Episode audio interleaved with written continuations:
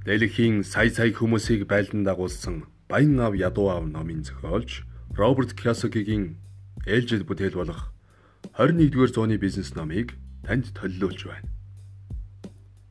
21-р зууны бизнес. Эдийн засаг салгалан чичирч таны ажлын байр үргэлжийн аюул дур оршиж байна. Мэдээж танд ажлын байр одоогоор байгаа бол шүү дээ. Гэтэл Би энэ тухай сүүлийн хэдэн жилийн турш сануулсан шүү дээ.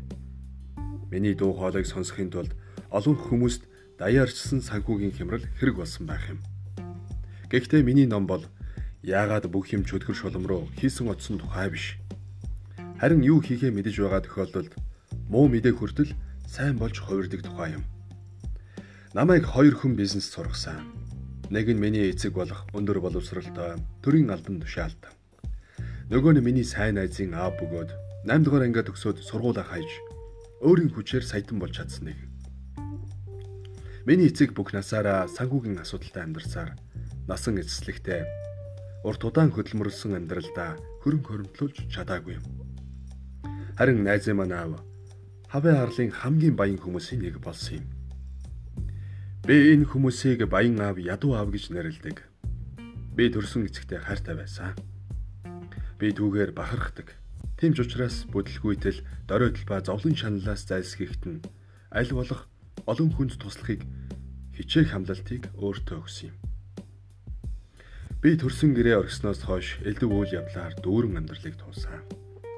Би Тэнгисийн явган зэрэгт албахааж Вьетнамд нэстэг тэрэгний нисгэгчийн албанд дайдагч явлаа. Дайнаас сэргэж ирээд Кесерокс компанид ажилласан. Эхэндээ хамгийн бүтлэхүү борлуулагч байсан. Харин 4 жилийн дараа хамгийн шилдэг борлуулагч болоод ажиллаа орхисон. Кесероксыг оргисноос хойш би олон улсын хэд хэдэн компани байгуулж бас олон сая саяын орлого олоод 47 наснда тэдгүртээ суусан. Учир нь дуртай ажиллаа хийхээр нэгэнд шийдсэн тэр л дээ. Миний дуртай ажил бол хүмүүсийг цөхрөлд автан гуйламжлах биш. Харин хэрхэн мөрөөдөлтөд хүрч амьдрах, эд баялаг хөрөмтлүүлэхийг зааж сургах явдал юм. 1997 онд би туршлага Баян аав ядуу аав хэмээх жижигхэн номонд боолгосноо олон уншигчдын сэтгэлийн үдсийг хүндсэн бололтой. Яагаад гэвэл тун удалгүй Нью-Йорк Таймс сэтгүүлийн шилдэг борлуулалттай номын жагсаалд орж 4 жилийн турш энэ байр сууриа хадгалсан юм. Тэр бүхэл бизнесийн тухай бүх цаг үеийн шилдэг ном гэсэн алдар хүртсэн. Тэр цагаас хойш Баян аав цувралд багтсан олон номыг бичлээ. Хэдийгээр ном бүр ямар нэг наривчилсан сэдвийг хөндөж байсан ч анхны номороо уншигчдад хүргэхийг оролцсон илгээмж маань тэдгээрт бүгдд нь агуулгадж байсан юм. Энэ илгээмж одоо ч гэсэн энэ номын дундор улаан шугам татуулж байгаа. Өөрийн санхүүгийн хариуцлагыг гартаа ав. Тэгээгүй тохиолдолд та бүх насаараа бусдын тушаалг гүйцэтгэх болно. Санаж ав. Эсвэл та мөнгийг өдөрдөн, эсвэл түүний боол болно гагцхүү сонголтыг таал хийн. Миний амьдрал их азтай байсан. Яагаад гэвэл жинхэнэ баялагт хүрэх замыг зааж өгсөн сайн багш нартай уулзсан болохоор тэр юм. Үүний дүнд би одоо ажил их шаардлагагүй болоод байна. Ажлаас холдохоос өмнө би гэр бүлийнхээ ирээдүг хангаж баталгаажуулахын төлөө ажиллаж байлаа. Харин одоо бол энэ тал дээр тань туслахын тулд ажиллаж байна. Танд шүү дээ. Сүүлийн 10 жил 21-р зууны орчинд жинхэнэ эд баялаг бий болгох хамгийн үр нөлөөтэй болоод хэлбэр арга замыг хаахад өөрийгөө зориуллаа. Баян аав цуврал номуудад би хамтран зүтгэгчдийн хамт хөрөнгө оруулалт болон бизнесийн янз бүрийн хэлбэрийг тайлбарлан бичиж эхэлсэн. Энэ ажлын явцад би бизнесийн нэгэн загварыг илрүүлсэн билээ.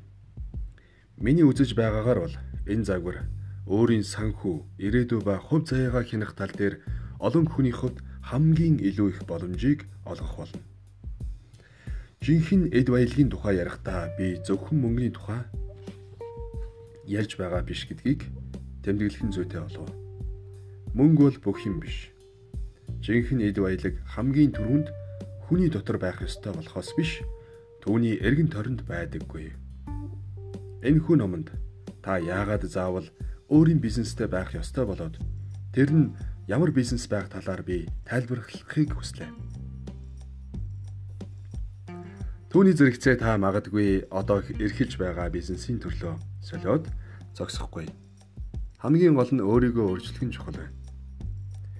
Төгс төгөлдөр бизнес хөгжүүлэхэд юу шаардлагатайг би харуулах боловч энэхүү бизнес дэвшин дэвшлэхийн тулд та өөрөө хөгжиж дэвших ёстой.